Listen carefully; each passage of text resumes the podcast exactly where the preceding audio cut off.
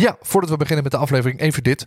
Basgasten is tegenwoordig ook te vinden op vriend van de show. Je kunt dus vriend worden van Basgasten. Uh, want ik betaal nu mijn reiskosten en mijn Buma-licentie en zo. Dat betaal ik allemaal zelf. Deze podcast levert me niks op. Ik zou het super fijn vinden als je me steunt met een kleine bijdrage. Uh, dan kan ik deze podcast blijven maken. Dus ga naar vriendvandeshow.nl slash basgasten. Word vriend van deze show. En help me om deze podcast voor te blijven zetten. Door naar de aflevering.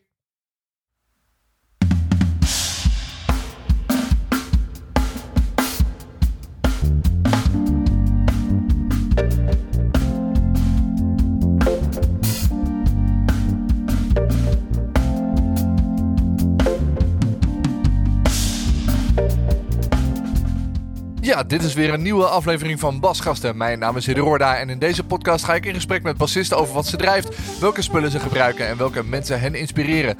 Basgasten wordt mede mogelijk gemaakt door de bassist, het magazine voor de Nederlandse en Belgische bassist.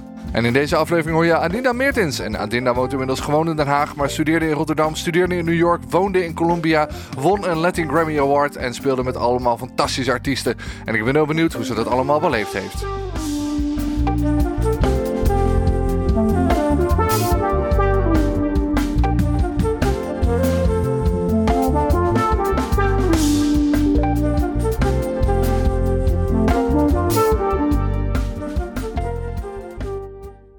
Oké, heb jij de lijst met vragen? Ja, ik heb een enorme lijst met vragen. Nee, uh, ik laat hem gewoon lopen. Sterker nog, hij loopt al. Oh, spannend. Spannend, hè? Ja, oké. Even de keel. Uh. Ja. Even blikjes uh, bier wegzetten. Nee, ja, ja. Maar leuk Adina, dat ik in Den Haag te gast mag zijn in je microstudiootje. Yes, nou, een hippe naam voor, voor deze plek. Maar oh ja? Goede naam wel, ja. Oh, de microstudio. ja. ja. Oh, ik dacht, je bedoelde, je, je hebt al een naam. Ja, nee, ik noem het vaak gewoon het hok. Oh ja. het tuinhok. Maar nou, microstudio vind ik wel, uh, klinkt wel interessanter. Ja. ja. En we hadden het net, uh, voordat uh, de opname liep, even over hoe, hoe, het, hoe het, het moment van corona redelijk, zeg maar, de timing vrij, vrij goed was. Ja. Achteraf gezien. Ja. Maar dan wil ik het straks wel even, ben ik wel even benieuwd naar hoe dat, hoe de afgelopen, zeg maar, anderhalf jaar voor jou is. Want we zitten hier nu eind september. Ja. En alle concerten zijn net weer soort van begonnen met coronabewijs en alles. Ik ben wel benieuwd over een paar maanden als dit online is hoe dat dan is. Ja. Maar ik wil eigenlijk even beginnen bij het begin. Um, want iedereen heeft een soort van, soms een soort van moment of een, een proces nadat je dat instrument oppakt. En dan denk ik, oh, dit is wel heel gaaf. Ja. Hoe ging dat bij jou? Nou, bij mij was het eigenlijk meer een kwestie. Um, nou, uit verveling wil ik niet zeggen. maar ik ben, de, ik ben de jongste van, van twee. Ik heb, nog een, ik heb nog een zus. En als je de jongste bent, ja, dan heeft je, je, je, je moeder, mijn moeder dan, die doet dan alles eerst met de oudste. En als, je, als de oudste het niet leuk vindt, dan. Uh, Schuift uh, gewoon door. Ja, dan, dan denkt ze, oh, dan hoef ik het met de tweede ook oh, niet, niet te proberen. Ja.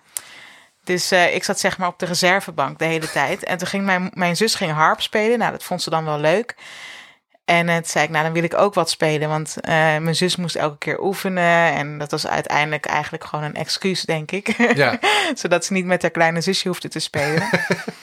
en toen dacht ik, nou, uh, dan wil ik ook wel wat spelen. En in mijn klas begonnen kinderen al viool en fluit te spelen. En dat vond ik natuurlijk een beetje saai. En toen uh, zei mijn moeder, ja, wat wil je dan spelen? Nou, ik wil contrabas spelen. Toen zei ze, ja, dat kan helemaal niet, dat is veel te groot voor jou. En toen zei ik, nou, maar uh, dat is toch wat ik wil. En hoe oud was je toen? Toen, toen was ik acht jaar. En hoe komt een kind van acht jaar bij een contrabas? Nou, mijn moeder die ging altijd in de bibliotheek, ging ze... Um, ja, zij, zij uh, zat toen opeens helemaal in de, in de salsa scene. Het was zo'n hier zo'n zo'n hype. Of ze zat niet in de scene, maar in de, ze, ze hield van salsa dansen. Dus ze ging veel naar die feestjes.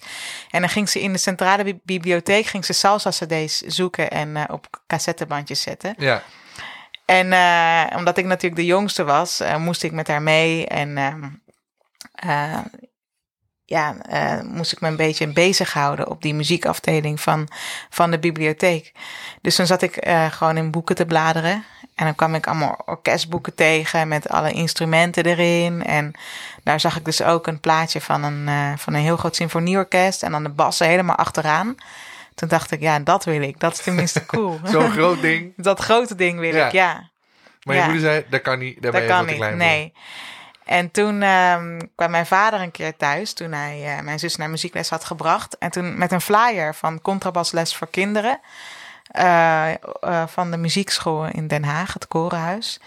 En toen was ik daar eigenlijk de eerste mini-bas-leerling. Oh, goed. ja, ja, Dus toen is het zaadje geplant, zeg maar. ja, En ja. is het vanaf daar... Ja, ik kan me van mezelf nog herinneren toen ik 10, 11 jaar was. Weet je, dan is oefenen best wel een... eh, dat was in ieder geval voor mij best wel een ding. Ja, Dat je dat de hele tijd moet gaan doen. ja, ik denk voor iedereen. Ja. Maar Ja. voor jou dus, het was niet meteen een soort Nou, van crescendo. En, Nou, eh, ik vond de lessen vond ik heel erg leuk altijd. Dus daar keek ik altijd, altijd naar uit. Ik had een hele leuke leraar, Jules Kiers. mhm. En, eh, maar oefenen, ja, dat blijft natuurlijk zwaar als kind. En dan zei de leraar, ja, het hoeft maar een kwartiertje per dag. En dat was het echt een kwartier. Ik hoor mezelf al praten nu. Ja, dan begin je vijf minuten en dan denk je, is het al tijd? Kijk je naar de klok, oh, nog tien minuten. Ja, je En- bent 8, 9 jaar, heb geen idee hoe lang Nee. een kwartier is. Nee, ik denk dat het wel echt een paar jaar heeft geduurd voordat, ik, voordat het, eh, ja, dat kwartier eh, Ja. zo om was, zeg maar. maar eh, ja, toch word je dan als kind, word je dan toch eh, steeds beter of zo, Ja. ja. En had je dan, wat, nou ja, je moeder draaide dan veel salsa muziek thuis, denk ik. Ja, Was dat ook meteen waarvan je dacht, oh, maar dit is ook, ja. die waspartijtjes vind ik wel heel tof en dat wil ik ook. Ja, zij draaide bijvoorbeeld heel veel Oscar de Leon. En ehm, dat is een hele, dat is een soort eh, Michael Jackson van de salsa is, Ja. is, is dat, maar dan uit Venezuela is een zanger, maar die speelt ook babybas. En Oh ja. ik speel dus ook ehm babybas voornamelijk. Ja, En dat geluid, dat, die bodem, dat is heel specifiek. Dat, dat, Ja. dat is een heel punchy geluid is dat. want even voor de luisteraar die niet weet wat een babybas is. Die denkt is- dat dat iets heel kleins is waarschijnlijk. Ja, ja, nou het is iets klein. Het is een elektrische contrabas. Ja. Eigenlijk een um, Ampeg heeft het ooit bedacht om voor contrabassisten een cello-formaat draagbare ehm, elektrische Ja. bas te maken. En dat werkte helemaal niet. Dus ze zijn er ook na een tijdje mee gestopt met die productie. En toen opeens, eh, het klonk helemaal niet goed en zo. En toen ehm, werd het opgepikt door eh, salsa-bassisten. En in die eh, muziekstijl werkt het dus onwijs goed. Ja, want het heeft een heel specifiek soort, beetje een neuzig soundje heb ik altijd het idee, die dingen. Ja, ja. Ja, het is, eh, er zit heel veel mid in, denk ik. Ja, het is gewoon heel punchy. Ja. Het komt echt lekker, het komt er echt lekker doorheen. En salsa muziek, ja, het heeft natuurlijk zoveel... De ritmesectie heeft zoveel lagen. De, vaak heb je vier of vijf man eh, percussie. Ja, En ja, heel, ja, en eh, piano, weet ik veel, alles eroverheen. Heel veel blazers het is ook. natuurlijk super, super gelaagde muziek. Ja, dus het moet er wel, ehm, het moet er wel doorheen eh, kunnen Ja. boren. Ja. ja. Want die, eh, zo'n salsa baspartij, ik zit er niet, niet super heftig in of zo, maar je bent natuurlijk een soort van, in ieder geval bij die, bij die vier, vijf percussionisten, je hebt een soort lijm tussen die verschillende partijen. ja, zeker. Ja, iedereen eigenlijk, iedereen in, de, in een salsa band die speelt heel veel. Ze Ja. spelen eigenlijk constant eh, achtste noten. En dan wel eh, variaties erop. En het past allemaal precies in elkaar. Iedereen Ja. speelt dan rondom of, of in, de, in de klaven, zeg maar. Dat het precies... Je kan het ook niet anders spelen dan... Je kan niet zomaar wat doen, zeg maar. nee, het klopt allemaal precies in elkaar. Ja. ja. En ehm, de bas is eigenlijk de enige die maar twee noten per maat eh, speelt. Dus die houdt eigenlijk alles bij elkaar en is eigenlijk de rust in de muziek. Dus als dat wegvalt, dan valt echt, ja, het is natuurlijk in meer stijlen zo, dan valt echt de bodem valt weg. En dan hoor je, ik denk dan dat je eigenlijk voornamelijk heel veel getik hoort of zo. Of dat je dan, ik kan me voorstellen dat als je niet veel van salsa muziek of Latin muziek weet, dat je dan echt denkt, hé, wat is Ja, ze wat, doen maar wat. Wat, wat, ja, wat zijn ze aan het doen? Of Ja. eh, wat is het voor een rommel? En, en ik denk dat de bas het allemaal eh, met die twee noten aan elkaar lijmt. Ja. En ja, hoor, luisterbaar maakt. Ja, en ik denk ook wel dat als je goede salsa-orkesten hoort, dat je dan inderdaad een soort doorlopende achtste hoort, die, die Ja. zich opbouwt uit die verschillende secties. Ja, En ik denk dat als bijvoorbeeld één timbalero een keer een ander ritme zou gaan spelen, het, zeg maar het verkeerde ritme tussen aanstekens, ja. Dat je meteen er klopt iets niet. Nee, dat valt helemaal in elkaar. Ja, precies. Ja. Maar ook als je geen geoefende Ja, luisteraar mensen bent. vallen dan ook om. Als je dan danst, dan struikel je of zo. zo. nee, dat is een grapje. Oh, Maar ja, dat had gekund. Dan Dat ik, oh, wacht, ja. een ander ritme. Wat moet ik nou doen? zo voelt het wel in elk Ja. geval, ja.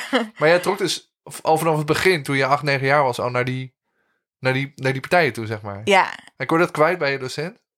Ehm, ik denk dat mijn docent wel doorhad dat hij iets swingendere stukjes of zo voor mij moest zoeken. Maar dan is het vooral, kwam het meer vanuit de jazz of de blues ehm, hoek. Ja. En niet per se uit de Latin of de salsa. Maar dat vond ik niet, eh, vond ik niet erg. Ik, ik kon mijn ei wel kwijt. ja, En je gaat er dan inderdaad meer zelf soort van je weg daarin vinden. ja. Ja, ik, ik, eh, ik, naast mijn klassieke contrabaslessen speelde ik dan ook na, toen ik eh, tien was, dus twee jaar later, toen begon ik in een kindersalsa bandje te spelen. Ik, Dus- een ki- ik heb daar nog nooit een kindersalsa beetje. ja, ja dat was, we speelden heel veel in die Wat tijd. gaaf dat er dan- ja, Dus inderdaad meer kinderen waren in die tijd en die omgeving die dat wilden. ja, ja, bizar hè? Ja, andere tijden. Was ja, het was tienjarige timbalero. En, eh, Ja, we speelden echt op veel. We speelden ook vaak op Gigs for Kids. Dat was het kinderfestival van North Sea Jazz. Eigenlijk Mhm. elk jaar speelden Ja. we daar. En eh, na een tijdje openden we eigenlijk elk jaar het North Sea Jazz Festival. Dat is heel leuk, want dan stonden we net eh, bij de ingang in, in, de, in de hal, hier in Den Haag nog. ja, Toen het nog in Den Haag was.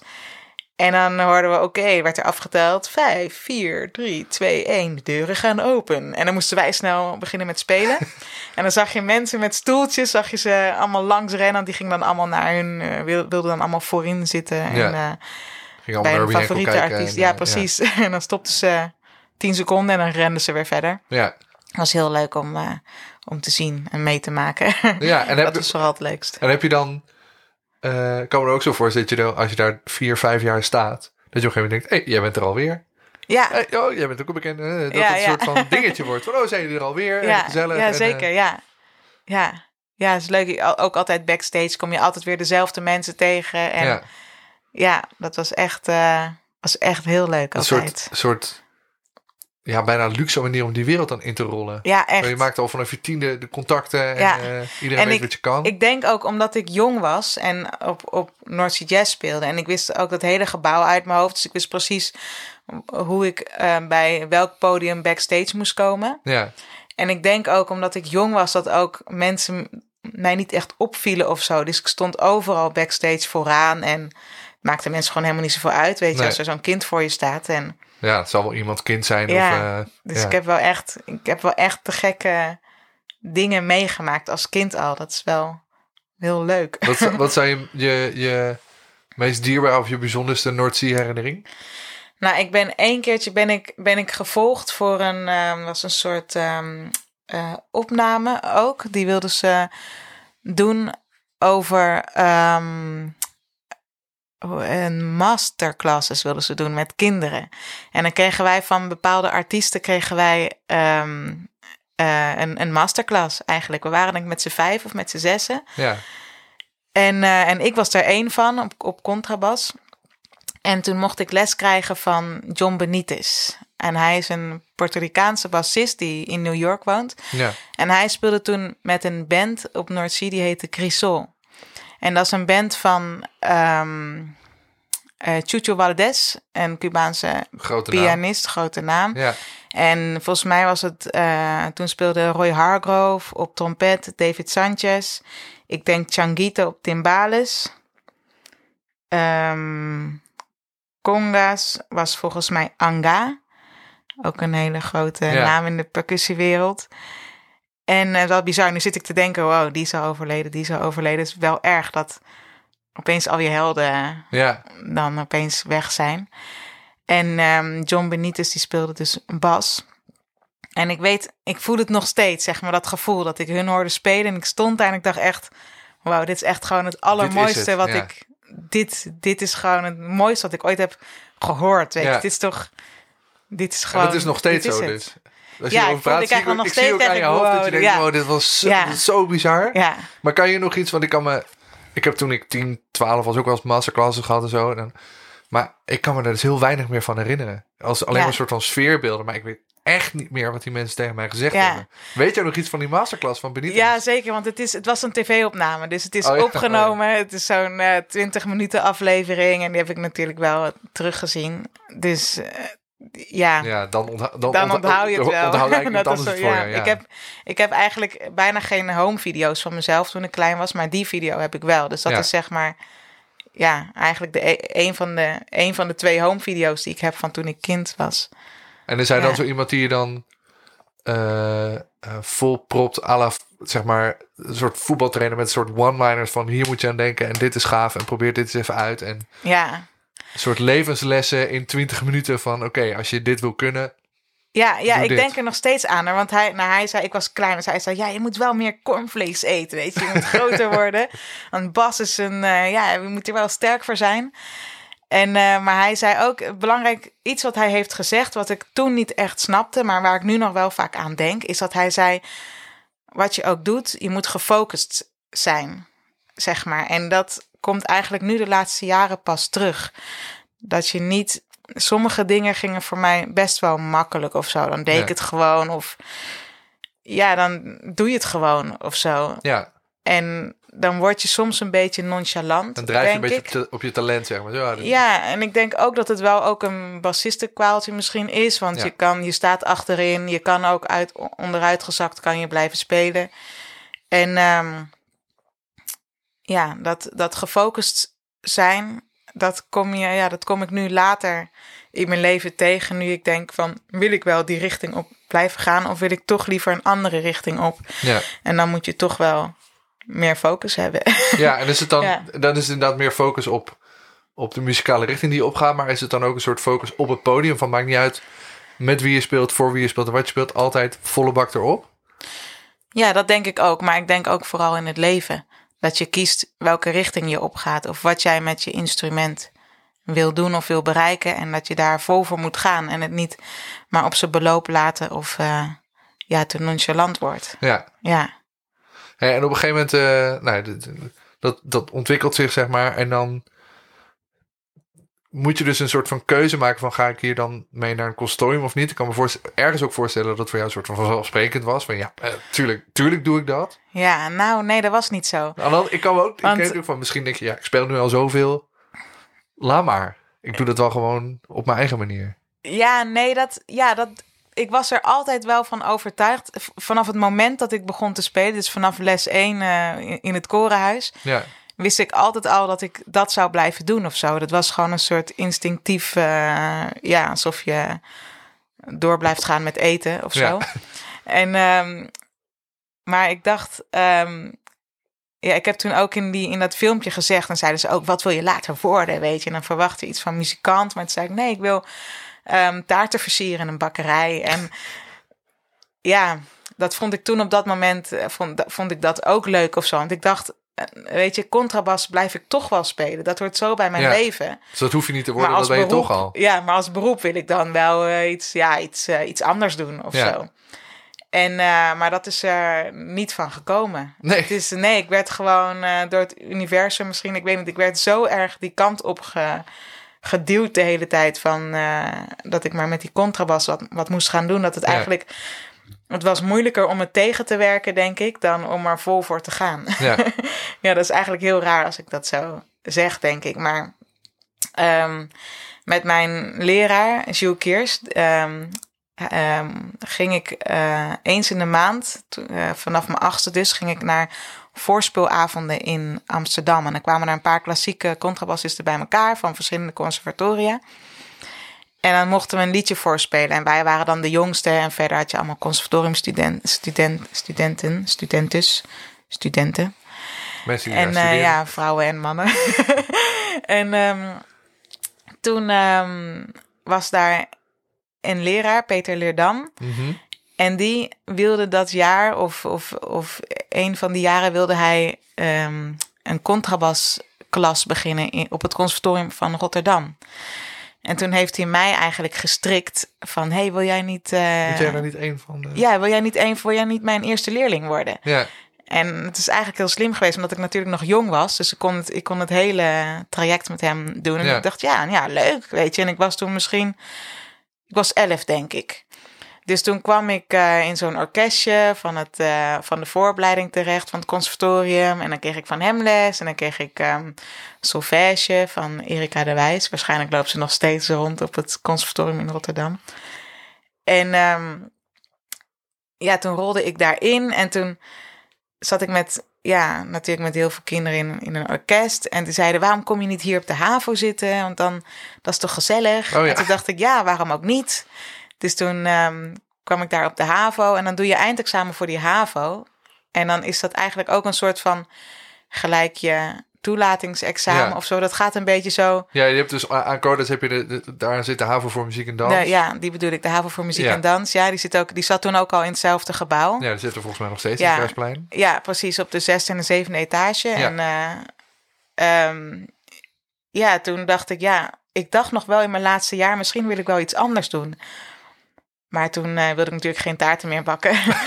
Nee, toen dacht ik, ja, wat dan? En toen, ja, toen zat ik opeens in mijn eerste jaar conservatorium, want de zomer was voorbij. Dus ja, toen, precies. En het universum bepaalde anders. ja, dus dan doe je eindexamen en dan ben je afgestudeerd van het conservatorium en dan speel je opeens in allemaal bands. En ik heb me later wel heel vaak gerealiseerd van dit is wel echt mijn roeping of Ja. zo. Dit is wel echt wat ik moet doen Ja. in het leven. Hè, En toen, dan ga je dus naar het consortium. En eh, ik weet niet hoe dat was toen jij begon. Maar toen ik daar ging studeren aan dan was er een vrij omvangrijke, wat ze dan wereldmuziekafdeling vinden. Ik vind dat nog steeds een beetje een rare term, maar goed. Ja, Ehm, hoe was dat toen jij begon? Kon je dat dan soort van kwijt? Zo van, oh, nu kan ik eindelijk doen wat ik, wat ik gaaf vind en waar ik toen ik acht was al ja. naartoe trok? Ja, zeker. Ja, dat was wel zo. Ik vond ook eindelijk, ja, met mensen die daar ook zo van, van genoten, weet je, Ja. die ook helemaal in die scene wilden zitten en helemaal, ja, want dat had ik dus niet op de HAVO voor muziek en dans, omdat ik toen nog klassiek deed. Dus ik was echt heel gelukkig daar eigenlijk. De, Ja. de eerste twee jaar vooral was ik echt, eh, vond ik het echt heel fijn om tussen dezelfde mensen te zitten die naar dezelfde dingen willen luisteren en nou, ja. Ik denk dat heel veel studenten dat wel herkennen. Dat ze denken, oh ja, nu zit ik ineens, ineens met allemaal muzikanten. Ja. En zeker als je van een zeg maar, reguliere middelbare school komt. Dat je ineens denkt, oh wacht, deze mensen zijn allemaal net als ik. Ja, ja. Ja, en die willen hetzelfde. En Ja. ja. ja. En van wie had je toen les toen je daar begon? Toen had ik les van ehm, hoofdvak, was van Jeroen Vierdag. Mhm. En omdat... Aflevering 1 ooit, 2,5 jaar geleden. Wauw, te gek. nou, 70 afleveringen later. Ja. en ehm, ehm, omdat ik eigenlijk contrabas Latin studeerde en hij basgitaar Latin gaf, kreeg ik dan ook nog ehm, bijvakles van Marius Beets. Oh ja, Die gaf dan jazz, of geeft nog steeds jazz. ja, klopt. En ehm, ja, ik deed ook nog hoofdvak klassiek. Dus ik bleef eigenlijk gewoon bij mijnzelfde leraar, Peter Lerdam. Ja, Ja, lijkt me echt waanzinnig om dan drie van dat soort ja, gasten te hebben. ja, dat was ook zo. Maar ook Ja, best wel, wel. verschillend denk ik. Want denk je, denk je dan van Jeroen veel meer gewoon in het idioom van die lettermuziek zit. En veel minder op techniek en op eh, weet ik- veel. Ja.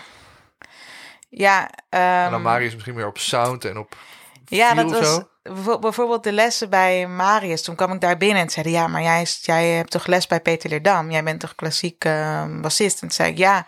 Zegt hij, ja, nou, dan ga ik toch niet eh, techniek leren. Laten we dan maar gewoon walking bassjes gaan doen. Ja, Dus pop, een metronoom aan en dan gewoon walking bassjes. rammen, eh, ja. half uur.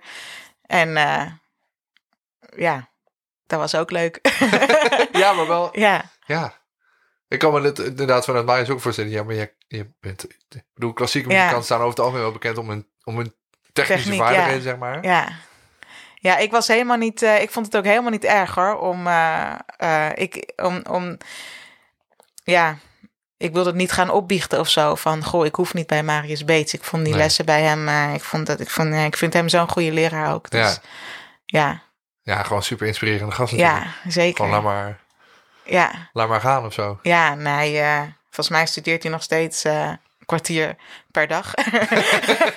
Zoals het hoort bij een goede ja, leerling. precies. Nou, wel meer, maar. Ja, minimaal een kwartier. Ja, dat is, ook, eh, dat is er ook aan te horen, zeg maar. Ja. Doe jij dat nog steeds ook, een kwartier per dag? Haal je dat nog? Ik ehm, was het maar waar. Ja. ja, ik denk dat ik. ehm, ja, ik heb nu dus een kind. Ja, dat maar ik denk dat wel, ik eh, daar. natuurlijk. Ja, dat ik voor het kind. Ik weet, niet per, ik, ik weet niet of ik het per se studeren moet noemen. Maar wel dat ik sowieso wel een kwartier. Over meer dan een kwartier per dag mijn bas aanraakte of Ja. speelde. En ehm, nou, dat is nu wel. Ik denk ook door corona en een kind is dat wel eh, iets verminderd. Ja. Ja. Hey, je zei net even tussen neus en lippen door van ik was daar heel gelukkig vooral de eerste twee jaar. Ja. Want daarna werd het minder. Ja, toen gingen mijn vrienden weg. toen ging... ehm, ik was... ehm, ik speelde... Eigenlijk begon ik te spelen met ehm, percussionisten en pianisten. Ik, ik, ik, ik zat in, in een soort groep. En die zaten allemaal twee, twee jaar boven mij. Oh ja. En dat was een te gekke groep en we speelden veel en eh, we trokken veel op. En toen studeerden zij allemaal af. En ik speelde op bijna al hun eindexamens, was helemaal leuk. En dan na de zomer beg- begon ik weer en dan, oh. Waar zijn al die mensen Ja. nou gebleven? Ja. Dus dat vond ik jammer. En toen kwamen er wel weer nieuwe groeien, maar Maar waren het dan ook gasten die dan... eh, die je daarna dan ook niet meer spreken omdat ze uitvliegen? Of misschien dat het... Nee, ik dat bleef ze nog wel spreken. En Ja. ook, ze, het waren heel veel ehm, ja, Duitsers en Zwitserland, Luxemburg. Dus ik ben wel bijvoorbeeld, bijvoorbeeld... En sommigen bleven in Nederland en sommigen gingen weer terug. En dan in zomers ging ik ze wel opzoeken. Ja, En dat is natuurlijk wel heel leuk. Dat je dan... Dan heb je een goed excuus, zeg maar. ja om- precies. ja, om naar dat land te gaan. Maar ehm, ja, ik denk dat het ge- ge- gegaan is zoals het is gegaan. En dat is ook, het was ook leuk zo. Het was ook goed zo. Ja, Maar eh, ja, de laatste twee jaar waren toch iets minder gaaf. Gewoon puur omdat je dan net een beetje uit die, in die vibe zit van met Ja. die mensen spelen. ja, en dan die anderen die dan net ehm, zijn begonnen. Die hebben dan hun eigen groepje weer. Ja. Want die beginnen dan samen en dan vormen zij weer groepjes. En Ja. dan, dan val je daar ook niet meer in of zo. Nee, precies. En op een gegeven moment doe je dan eindexamen en dan? Zat je toen al een soort van Ja, volle toen bak viel ik in een eh, zwart spelen? gat. Ja, echt? nee. Nou ja, het had gekund. Ja, ik speelde, ik speelde al tijdens mijn ehm, studie speelde ik al met een paar goede bands. Omdat die ehm, salsa bands, bijvoorbeeld Nueva Manteca en Cube City Big Band, Mhm. die, die leraren gaven allemaal les op het conservatorium in Rotterdam. Ja, tuurlijk. Dus ik kwam ze al allemaal tegen. Dus ik werd al door hun gevraagd om, eh, om te spelen. Dus dat ging eigenlijk gewoon, eh, dat ging gewoon door. Ja, Ja, het is wel fijn. dat- Ja, mijn leven in dat opzicht veranderde niet heel erg dat ik in een nee, het zwart is dat gat het in viel zo, of zo. zeg maar, laten we zeggen, 15 jaar tijd is een soort van, alles loopt een beetje in elkaar over. Zo van, oké, het een loopt af, maar het andere is alweer begonnen. En Ja, is dat nog steeds zo voor je gevoel dat je denkt, oh, ik, ik, ik val een beetje van het een in het ander. En Ja, ik- Ehm, ehm, eigenlijk wel. Maar ik, ik zie dat zelf. Soms heb ik dat niet zo door. Bijvoorbeeld nu met corona. En, en daarvoor ehm, ik, heb ik in het buitenland gewoond. En toen Ja. kwam ik. Ik was net een jaartje terug. Voor, toen corona in, eh, insloeg. ja, En toen moest ik weer opnieuw beginnen. En toen dacht ik, oh, dan moet ik weer. Waar begin je dan? Weet je, want al mijn plekken zijn eh, ingenomen, of niet ingenomen, maar opgevuld Ja. eigenlijk. En het is oké en dingen zijn ook veranderd. Zijn weer allemaal nieuwe bands. Dus ik kom weer eigenlijk. Het is niet zo dat ik opnieuw moet beginnen. nee, je contacten heb je nog steeds. Ja, maar het is veranderd of zo. Ja. En ik, dus dat vond ik wel moeilijk. Maar als ik dan nu terugkijk, dan denk ik, oh ja, weet je, ik, ik werd toen ook zwanger. En toen kreeg ik een kind. En toen eh, natuurlijk eh, co- corona. Dus, en nu, ehm, ja, dus het komt eigenlijk ook wel, als ik nu terugkijk, was het allemaal ook goed wat er Ja, is gebeurd of zo. En ook daardoor ben ik denk ik ook kon ik ook nadenken van wat wil ik dan eigenlijk? Wil ik weer terug waar ik was gestopt toen ik voordat ik eh, naar het buitenland ging? Mhm. Of wil ik iets nieuws? En toen ben ik dus eigenlijk iets eh, nieuws begonnen. ja, Ja, en eh, daar ben ik nu mee aan het eh, stoeien, wil ik niet zeggen, maar aan het koken. ja. aan, het, aan het borrelen is het. Ja, aan het borrelen zeg je dat, ja. Je zei, eh, ik heb een tijdje in het buitenland gewoond. Als er mijn informatie klopt, heb je in Colombia gezeten. hè? Ja, klopt. Dat lijkt me ook nogal een keus en een soort van een, een, een nieuw begin maken, zeg maar. Ja, zeker, ja. Het was dat, ik kan me voorstellen dat je, de, dat je de muziek dan achterna gaat. Dat je denkt, ik wil Ja. gewoon daar zijn waar, Ja. waar het gebeurt, zou ik maar zeggen. Ja. Ja, ik had eigenlijk heb ik, eh, ik heb een keer een, een studiebeurs eh, aan- aangevraagd. En die kreeg ik toen om in New York een paar maanden te studeren en lessen te nemen. En toen ben ik dus naar mijn helden daar gegaan. Naar onder andere John Benitez, die Ja, bassist waar ik toen een masterclass eh, van heb gekregen. Daar, die heb ik toen weer opgezocht en ehm, lessen genomen. En onder andere ook bij Andy Gonzalez Mhm. en bij Ruben Rodriguez. En, Het zijn ook inderdaad wel mensen dat je denkt, als je dan toch daar bent. Ja, voor mij, ja, op. precies. Voor Ja. mij zijn dat eigenlijk de grootheden van de, van de Latin scene. Ja. Of, eh, ja, en ook alle drie heel, heel, heel verschillend. De ene is meer salsa, de ander meer Latin jazz en de, de ander meer fo- folklore. En ehm, ja, toen was ik daar en toen, en toen hield mijn tijd op en, en, toen, en mijn visum. En toen dacht ik, shit, ik wil hier, ik wil meer hiervan, weet je. Ja. Ik wil hier blijven, ik wil hier eh, eh, wonen. En toen ehm, dacht ik, ik ga alles op alles zetten om, om dat voor elkaar te krijgen. Dus ik ging terug naar Nederland. En toen dacht ik van, oké, een plan maken. Hoe ga ik het doen? Ehm, hoe krijg ik dat visum?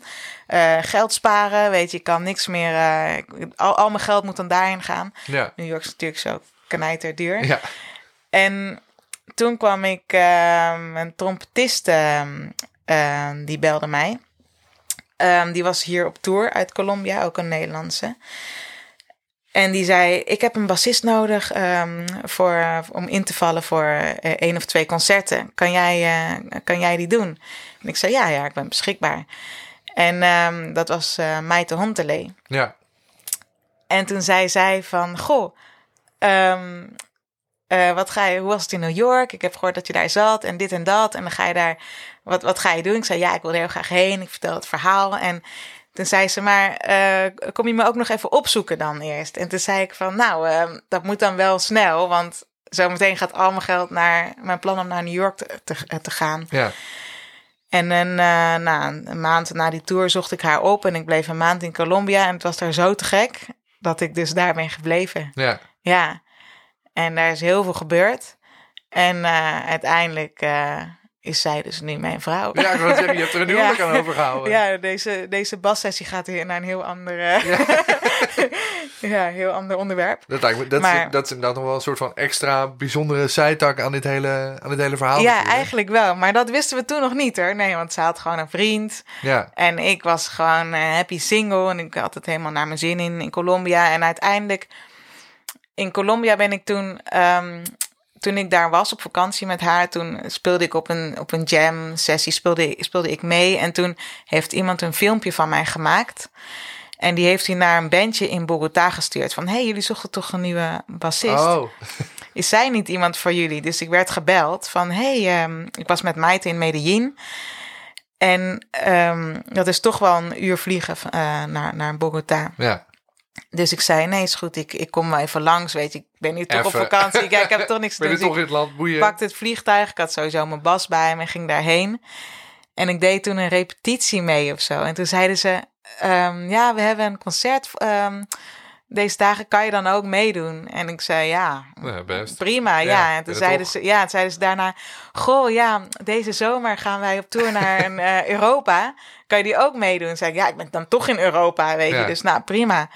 En toen ehm, was ik opeens de bassist van die band. Ja, Ja. en die band die heet eh, Monsieur Periné. Dat is ja. ook die band waarmee je een Grammy... Die, die band heeft een Latin Grammy. Ja, die band heeft een Latin Grammy gewonnen, inderdaad. Ja. En een, ehm, een Grammy-nominatie Ja. gekregen, twee keer.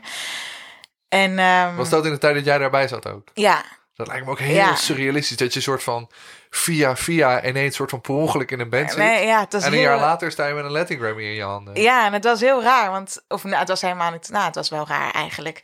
Maar toen ik voor die band werd gevraagd, toen was het eigenlijk nog gewoon een leuk bandje. Ja. En ehm, ja, sinds, sinds ik daarbij zat, toen is die band opeens, opeens is die onwijs gaan groeien. Die is helemaal losgegaan, zeg Ja. maar. Dus het is wel heel leuk om, om die hele groei te hebben meegemaakt. ja. Ja, En had je toen al, om even terug te komen op eh 20 jaar eerder, laten we zeggen. Had je toen al een babybas ook? twintig jaar geleden. Nee, die, die, die- die- je bent gevallen voor het geluid van die babybas, onder Ja. andere. Ja, Die moet er dan op een gegeven moment ook komen. Zeker als je dan Oh, voor ja. orkesten gaat spelen. Ja, nou, die babybas, ja, die had ik al op het eh, conservatorium. Of daarvoor al eigenlijk. Want ik speelde, ik speelde al in salsa-bandjes. Ja. En toen moet ik... Ik moet nog jong geweest zijn, want ik, ik speelde toen ook soms in casino's. En toen... Ik kan me herinneren dat ik dan het paspoort van mijn zus meenam. Omdat ik nog te Oh, jong was anders om binnen, te komen. Ja, precies. Ik was dus nog onder de 18. En sowieso hier in Den Haag ehm, ehm, was een café, die heet Café de Pater. Zeker, ja. En daar was op el- elke donderdag was daar de beste Latin sessie ter wereld. Eigenlijk kwam ik eh, achteraf achter, want ik heb het nergens Gewoon even in Den Haag. ja, nog zo goed meegemaakt. Eh, elke week, ja, dat was helemaal te gek. En daar kwam ik al vanaf mijn vijftiende. Toen waren ze nog niet zo streng bij de deur. Ik kan zeggen, dat moet je nu niet meer proberen. Nee, en die sessie die begon officieel om 11 uur, maar er werd pas om half één gespeeld en dat ging Ah, door ja. tot vijf uur 's ochtends en dan eh, naar huis fietsen. En, en toen, ehm, ja, toen speelde ik al op een babybase, inderdaad. Dus ja, vanaf mijn 15e, 14e, 15e heb ik denk ik al een babybase in bezit. Dat lijkt me ook een soort, wel een soort van heilige graal. Dat je denkt, oh, dit, nu heb ik die sound. Of zo. Als je dat, Ja, zo- ik dat moest- zit dan zo in je hoofd. Ja, ik, het is een beetje eh, ehm, apart, want ik ehm, die babybase ehm, moest ik eigenlijk wel. Ik vond het eerst niet zo heel. Ik kan me herinneren dat mijn vader is al eerder met een babybase aankomen zetten van hé, hey, is dit niks voor jou? Ja, En toen zei ik, nou, weet je, ik was toen, ik speelde contrabas en ik dacht, ja, dat is gewoon, klinkt gewoon niet zo goed als een contrabas. Want Ja. je, hoort, je probeert het even onversterkt, weet je. En ja, het is een je, je, je snapt het ook niet eh, in, in verhouding met de band. Weet je, je bent nog jong en je hoort alleen. Ja. En toen, ehm, ja, toen ik ouder was en dus in een salsa bandje speelde, toen snapte ik wat het geluid ehm, uitmaakte. Zeg maar Ja. ehm, dat het met een babybass, bijvoorbeeld mijn contrabas in dat kinderbandje, mijn contrabas die zong dan heel vaak rond. Weet Oh, je, ja. omdat het gewoon, ik kreeg er niet zoveel, ja, ik had een heel is een kleine slecht bas. element, muzie- eh, geluidselementje en ja, een klein, klein contrabasje inderdaad. En ehm, toen inderdaad heb ik, heb ik later weer een babybass geprobeerd en toen zong die nooit meer rond. Gelijk een goed stevig geluid. Ik hoefde veel minder moeite te doen, zeg Ja. maar, om er iets goeds uit te halen. Dus toen, eh, toen ik het snapte, toen dacht ik, oh ja, nee, dit is wel, ehm, dit is wel veel beter, dus, inderdaad. ja. ja. zeker. Hey, Ja. En eh, op een gegeven moment heb je dan... eh, die band die toert waarschijnlijk de hele wereld over. Ja, En je hebt een Latin Grammy op zak. En dan op een gegeven moment komt die keuze om er weer naar Nederland te gaan. ja. Dat lijkt me echt een klote keuze. Nou, Ergens. Ja, het kwam eigenlijk door Maite. Het is eigenlijk haar schuld. Even bij? ik, was, ik was heel gelukkig in, eh, in Colombia.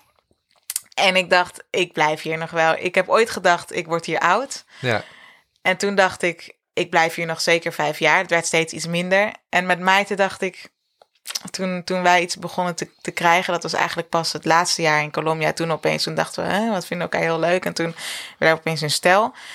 En toen ehm, wilde zij terug naar Nederland. En toen dacht ik, oh, misschien eh, blijf ik toch niet nog vijf jaar of zo in, in, in Colombia. Maar is het iets korter.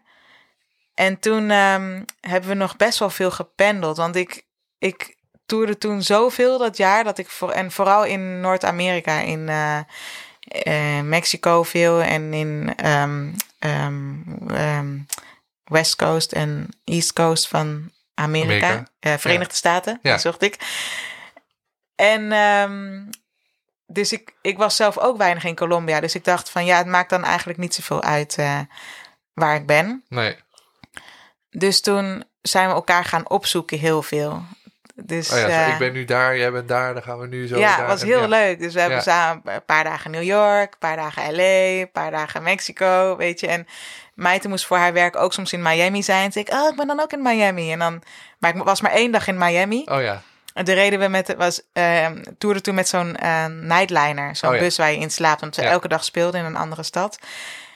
En de dag daarna toen ehm, speelden we, nee, we speelden niet in New Orleans. Nee, New Orleans was onze dag vrij en daarna gingen we door naar,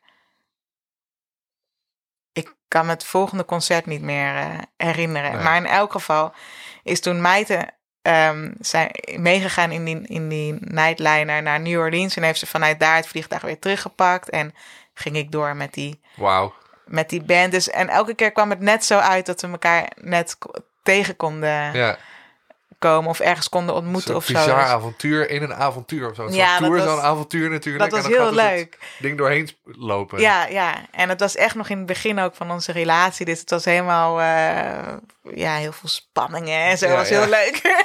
en dat je er onwijs op verheugt. En ook dat, dan, dan kwam ik, dan wist ik al van, oh ja, zij vliegt nu daarheen. Ik kom uit Mexico en dan ontmoeten we elkaar in Miami. En dan ehm, duurde het bij mij even voordat ik door de douane kwam. Maar de band die was dan al in de vertrekkenhal. Dus Ja. de band had haar dan al gezien. En dan moest ik nog komen. En dan Oh ja. was het, ah. ja, leuke tijd. Dat vergeet je dan allemaal als je een kind van een jaar hebt die nog niet doorslaapt. Ja. Maar, maar nu We komt het toch weer even terug. dingen meegemaakt met z'n tweeën. Ja, Maar ja, dat is wel, ik vind dat... ja. Moet je een boek over schrijven? Gewoon, gewoon elke... ja of een elke podcast ontmoet- over maken. Ja, gewoon elke, een, een podcast met z'n tweeën over elke Ja. ontmoeting in die tour. Ja, precies. Ja, Ja. ja, ja, ja, ik kwam van... Ja, ja. Ja, ja, dat was leuk. Ja, maar een jaar is het dus zo gegaan. En ehm, ja, toen is het geëindigd. eh, toen ben ik nog... Ik heb nog... Een van mijn laatste dingen waren de, de, NAM-show. Ben ik nog geweest. Als het hier toch over gear moet gaan. Even, ja. Voor iemand Ja. die niet zo bezig is met spullen. Nee, De NAM Show, maar ik vind, ik, vind spullen wel, ik vind spullen wel heel leuk hoor. Maar ik denk vaak van... Ik denk vaak dat ik op elke bas ongeveer hetzelfde klink. Ja, En ehm, ik denk, als er een eh, goede ampeg staat, dan ben ik blij. dat is ook het geluid wat ik uit een versterker wil. Dat is eigenlijk mijn referentie die ik in mijn hoofd heb, denk ik. Dus dat Ja. geluid probeer ik dan altijd wel te zoeken. Of dat gaat automatisch, denk ik. Maar de NEM-show was... eh, het was wel heel gaaf. Dan, het leuke aan de NEM-show is dat... ehm, het is geen muziekfestival, maar het is een gearfestival. Dat is heel grappig. maar Want je toch komt lopen, daar... lopen alleen maar muzikanten Ja, die het alleen maar over spullen hebben. ja. Maar bijvoorbeeld, als jij jij bent daar als muzikant en je doet een, ehm, een eh, hoe heet het, een ehm, presentatie. Ik, ik moest voor Universal Audio ik een presentatie. En ehm, ja, mensen zijn dan echt, dan denken ze, oh wauw, er, er spelen artiesten spelen op onze spullen of zo. Oh, ja. Dus dan zijn ze allemaal heel erg, oh wauw, wat vond je van deze Ja, eh, plugin? Of wat vind je hiervan, weet je? En dan, ja, mooi, ja, Oh, leuk, ja, Oh, goed, nou, ja. ja, ja. Ik heb dat in. Londen dat mee. Maar dat, Ja. zo, dat je op zo'n Padula zit spelen. Ik vind Mike Padula een soort god. En dan zeg ik, oh, ik vind het echt heel cool. Oh, ik vind het echt heel vet. Oh, vet cool, man. Ja. Ja, maar jij bouwt een van de, de beste fretless ter wereld. Ja, ja. Ja, nee, het zijn allemaal die mensen die al onze spullen bouwen. Dat Ja. zijn echt hele hambo, zeg je dat? Bescheiden Ja. Kunstenaars eigenlijk. Of nerds, ja, heel Ja. erg. Ja, en het is best wel, dat is eigenlijk heel leuk. Ja. ja, ja, Zo'n hele club met nerds bij elkaar. ja, Hey, en als we het dan toch over spullen hebben. eh, ik denk dat de twee instrumenten waar de me- meeste mensen jou van mee zullen zien... is een babybas ja. en een U-bass. Ja, Ook een soort van microversie van een basgitaar. ja, Dus je hebt een soort mini-versie van een contrabas. En een mini-versie van een basgitaar. Ja. Hoe, hoe komt een mens aan een U-bass? Er staat hier. een vijfsnaar. ja. Nou, hoe komt de mens daaraan? Ehm, Was dat op de NAM show dat je dacht... Hey, Nee, ik had daarvoor. Het kwam eigenlijk door de, door de tours met Michel Perinet. In het begin, het eerste jaar speelde ik ehm Baby Bass in Ja. die band. En toen kwam eh, de, de leider en de, de, de gitarist van de band... die kwam met een heel raar instrument. Dat heet een leona. En dat is een Mexicaans instrument. Dat is een soort een Ik En ik folkloristisch... zet het even op mijn socials erbij. Vinden mensen leuk. Ja, dat is goed. Het is een... Leona, je bent. Leona, ja. En die komt uit Jalapa, Veracruz. Dat is Mhm. zeg maar een ehm, dorpje in ehm, Mexico. En het is een folkloristisch eh, instrument. En het bijzondere is dat de, dat de ik wil zeggen kist, omdat het gewoon zo'n grote kast is. Het, het lijkt een beetje op een kist, maar die wordt uit één stuk gemaakt. Dus die hollen ze uit. Ja, En het is echt een dik eh, ding, ongeveer 20 centimeter dik of zo. Hollen ze helemaal uit en daardoor heb je dus ook een heel stevig geluid. En Ja. hij had hem, we hebben daar best wel lang aan lopen klooien. Eerst was hij akoestisch en toen heeft hij hem elektrisch gemaakt. En toen heeft hij allemaal, heeft hij de toets allemaal een beetje veranderd. En eh, zeg maar een beetje naar mijn stijl heeft hij hem steeds meer laten bijschaven. Uiteindelijk heeft hij alle fretten weggehaald. Want hij heeft eh, fretten normaal gesproken, een Leona. En ehm, ja, dat klonk onwijs goed. Onwijs dikke sound had hij. ja. En ehm, maar het was toch wel weer een ding met alle vluchten dat ze heel vaak moeilijk deden op de Qua airlines. formaat. Qua formaat. Ja, ik zei ja, het mag gewoon. Het is een instrument, het is toegestaan met de Ja, maten. is en dan toch gedoe. Ja. in Amerika, het is gewoon, oh ben je muzikant? Eh, jij bent verkeerd. Weet je dan? ja, ja, ja. Maar, Gewoon onbegrip ook. Dus denk ik, ja, ja, ik zeg, ja, weet nou je, mee? ja, ik sjouw niet voor mijn lol mee, weet je. Ik heb ook last van mijn rug, weet je. Ja. Ik, doe het, ik moet ook werken, net als jij, weet Ja. je. Ben ik gewoon... Ik doe gewoon mijn werk Aan- en aan daar heb ik deze spullen voor Ja, nodig. Jij hebt daar een precies. gummiknuppel voor. Ik heb dit. niet dat er geen plek is of zo. Nee. Dus ik ben ook regelmatig het vliegtuig eh, uitgezet, omdat ik hem dan niet wilde afstaan. Ik heb hem één keer afgestaan en toen was hij dus gebroken. En gelukkig, toen speelden we in Canada in een heel mooi theater. En toen, gelukkig speelden we op een plek waar ze toen eh, een hele goede contrabas en een hele goede basgitaar, Oh, ik weet top. niet meer welke, erg, ik denk een Fender Jazzbas of zo, voor me hebben geregeld. Oh nee, Nice. Precision was het. Maar je zou inderdaad maar ergens dan ergens in een of andere krabbengat spelen. Ja, wat dan, ook eh, vaak ge- gebeurt. Of in ja. de middle of nowhere in, eh, weet ik veel, eh, Chihuahua in Mexico of zo. Nou, Ja. Maar ehm, ja, dus ehm, ja, geluk bij een ongeluk was het wel op een plek waar ze goede spullen hadden. En ehm, dus toen heb ik besloten om met iets kleiners te reizen. En toen zag ik dus, eh, op socials zag ik natuurlijk wel van het bestaan van deze bassen. Maar ze zijn best wel moeilijk, te, je kan ze niet overal vinden of zo. Dus ik heb ze toen gemaild van, goh, ik ben, op, waar, ik ben nu dit weekend in New York. Waar kan ik jullie bassen eh, vinden? Want ik zou ze graag willen, willen checken.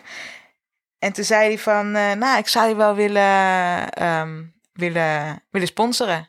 Welke wil je hebben? Gewoon een soort van out of the blue. Je noemt natuurlijk wel Ja. die band er. nou, maar- ik had mijn naam eronder geschreven. Dus Ja. ik denk dat hij me gegoogeld heeft. En dan die, die, die, ja, die, die band erbij. En ehm, ja, toen... ehm even kijken, hoe is het dan... Wanneer... Even terugdenken. Want ik ben ook een keer naar die fabriek geweest. Uitgenodigd. Maar... Oh nee, hij heeft hem opgestuurd naar ik speelde toen ergens in Amerika. Toen heeft hij hem naar het hotel toegestuurd. Oké. Omdat ik toen daar was. Hij zei, wanneer ben je weer in de buurt? Want hij wilde niet internationaal opsturen. Want dat vond hij eh, te riskant. Ja, Dus zei ik, nee, ik ben dan en dan ben ik in Amerika weer. Heeft hij hem naar het hotel gestuurd. En gezorgd dat ik hem dus... eh, ja, toen ik, dat- wanneer ik daar was. En toen heb ik dus deze uitgekozen. En dit is een ehm vijf... Staat er misschien op de achterkant hoe die heet? Oh, balen. Ik denk dat het een Koa... U-Base Koa... Ja, die top ziet eruit als Koa inderdaad. Ja. En dan ehm, vijf snaren fretless. Maar heeft hij dan En- een lage B ook? Ja, een lage B. Heel veel bassisten en bouwers zeggen ook... Ja, een B moet je wel echt lang maken. Want anders klinkt hij voor geen meter. ja. Nou, het klinkt... eh, het klinkt. Dit kan het dus, ja. Ja, het kan dus wel. En ehm, eigenlijk komen ze met van die rubberen snaren. Ja, van die siliconen Ja. inderdaad. Maar ik vind, het klinkt ook wel goed. Maar de, de aansl ik, ik hou van hard aanslaan. Ja, Dus die, die gaan dan zo erg heen en weer. Dus ik hou meer van het, van het. Ik hou eigenlijk gewoon van hout en metaal. En dat is dit nu. Dus ik ben er wel ehm, blij mee. Gewoon round, round. ja. eh. Maar moet je die, ik kan me ook voorstellen dat je dan, zeker als je houdt van hard aanslaan, dat die toets op een gegeven moment zegt: hé, hey, eh, er moet een nieuwe op. Of heb je er niet zo last van? Nee, ik denk dat het ook. Ik denk dat, op het, dat je je vanzelf wel aanpast aan het instrument. Dat is waar. Ja, ik denk, ik sla ook niet zo hard aan als op mijn contrabas hoor. En ik, dat, maar- dat, dat die dan ook breekt. ja, precies. zo hard zou spelen. Nee, en ik doe het ook niet eh, expres of zo. Ik, maar ik, ik merkte dat gewoon toen ik op die eh, rubberen snaren sp- speelde. Dat ik dacht, oh wow, dit moet ik wel heel erg, moet me wel heel erg inhouden. En dat is natuurlijk niet lekker spelen. Nee. Maar nu, eh, ja, ik vind, het, eh, ik vind hem waanzinnig klinken. En soms klinkt hij zelfs een beetje als een babybass. Zal ik eens, eh, ik kan hem wel even aanzetten. Even kijken hoor. Als we toch in mijn, in mijn micro-studio zijn. Ja, precies. Ik ben benieuwd of de, of de luisteraar dat gaat horen. Volgens mij zit je kabel er niet in. Oh ja, ze zeggen dat dat helpt, hè? De, de kabel erin doen. Ja, dat is vaak Ja. wel, zeker bij elektrische instrumenten is dat wel praktisch. Dat heb ik, dat heb ik wel eens in een van je podcasts uh, Ja. voorbij horen komen. Ja, allemaal handige tips voor de consument. Kijk hoor. Hoeveel tijd hebben we nog? Ja, alle tijd van de wereld. Het gaat door zo'n classic uh, Kruger uh, MB 120. die heb ik gekocht omdat die goed klinkt op um, uh, contrabas. Ja. En ook elektrisch. Heel veel contrabassisten gebruiken deze, heb ik altijd het idee. Ja, en hij is te tillen. precies. Een vriend van mij die had deze ook gewoon inderdaad omdat je hem dan op de fiets kan meenemen. Zo voor op een rekje. Ja, ja. Zo grappig, want ze hebben opeens... Nou, Nederland is zo futuristisch, zeg maar, vergeleken met uh, Colombia. Maar ze hebben dus opeens hier in de buurt van die deelbakfietsen. En ik moest in Den Haag, moest ik, um, um, ik moest spelen en ik moest uh, naar iemand toe met mijn spullen. En toen heb ik gewoon uh, dat versterkertje en deze U-base in die bakfiets gegooid. Ja, helemaal en top. Helemaal top, ja. Ja. echt. Dus ik ben nog steeds blij.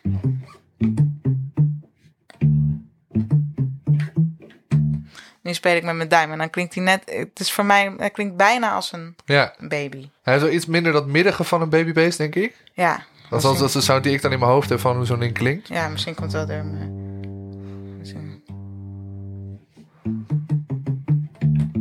Ja, precies. Dan krijg je de... Ja, en gewoon zonder duim is het. Dan is hij iets meer metalig. Ja. Het klinkt echt verdacht te gek inderdaad. Ja, cool hè, voor zo'n Ja. klein ding. Lage B. Dus Niet te doen. het is, het is eh, laag, maar het, is, het, het komt er best bovenuit. Maar ja, wanneer speel je die nou? Soms een Ja. uitschieter.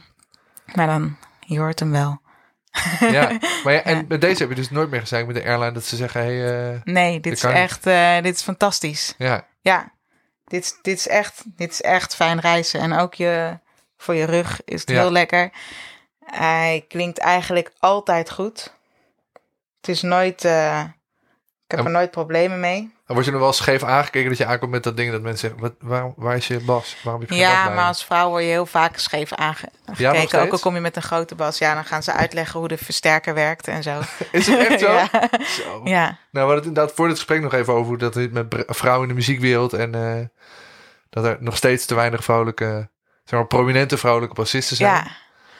Ja, Maar daar heb je dus nog steeds last van. Dat ze zeggen, oh, wat leuk dat je... Ik zal je even laten zien hoe de versterker... Dit Ja. is de volumeknop en zo gaat hij aan. En, eh, Ja, nou per se last van wil ik niet zeggen. Het is wel, ik vind het wel aandoenlijk of schattig. Of ook die mensen die dan gaan uitleggen. Ik, ik rol dan mijn snoer op en ik gooi het in mijn tas, weet je. Als je dat gewoon een paar keer per week doet, dan... Dan kan je dat. Ja, ja maar... Of dan doe je dat gewoon op jouw manier. Ja. Maar dan zijn mensen... Ja, weet je hoe je dat moet doen? Moet je eigenlijk zo draaien.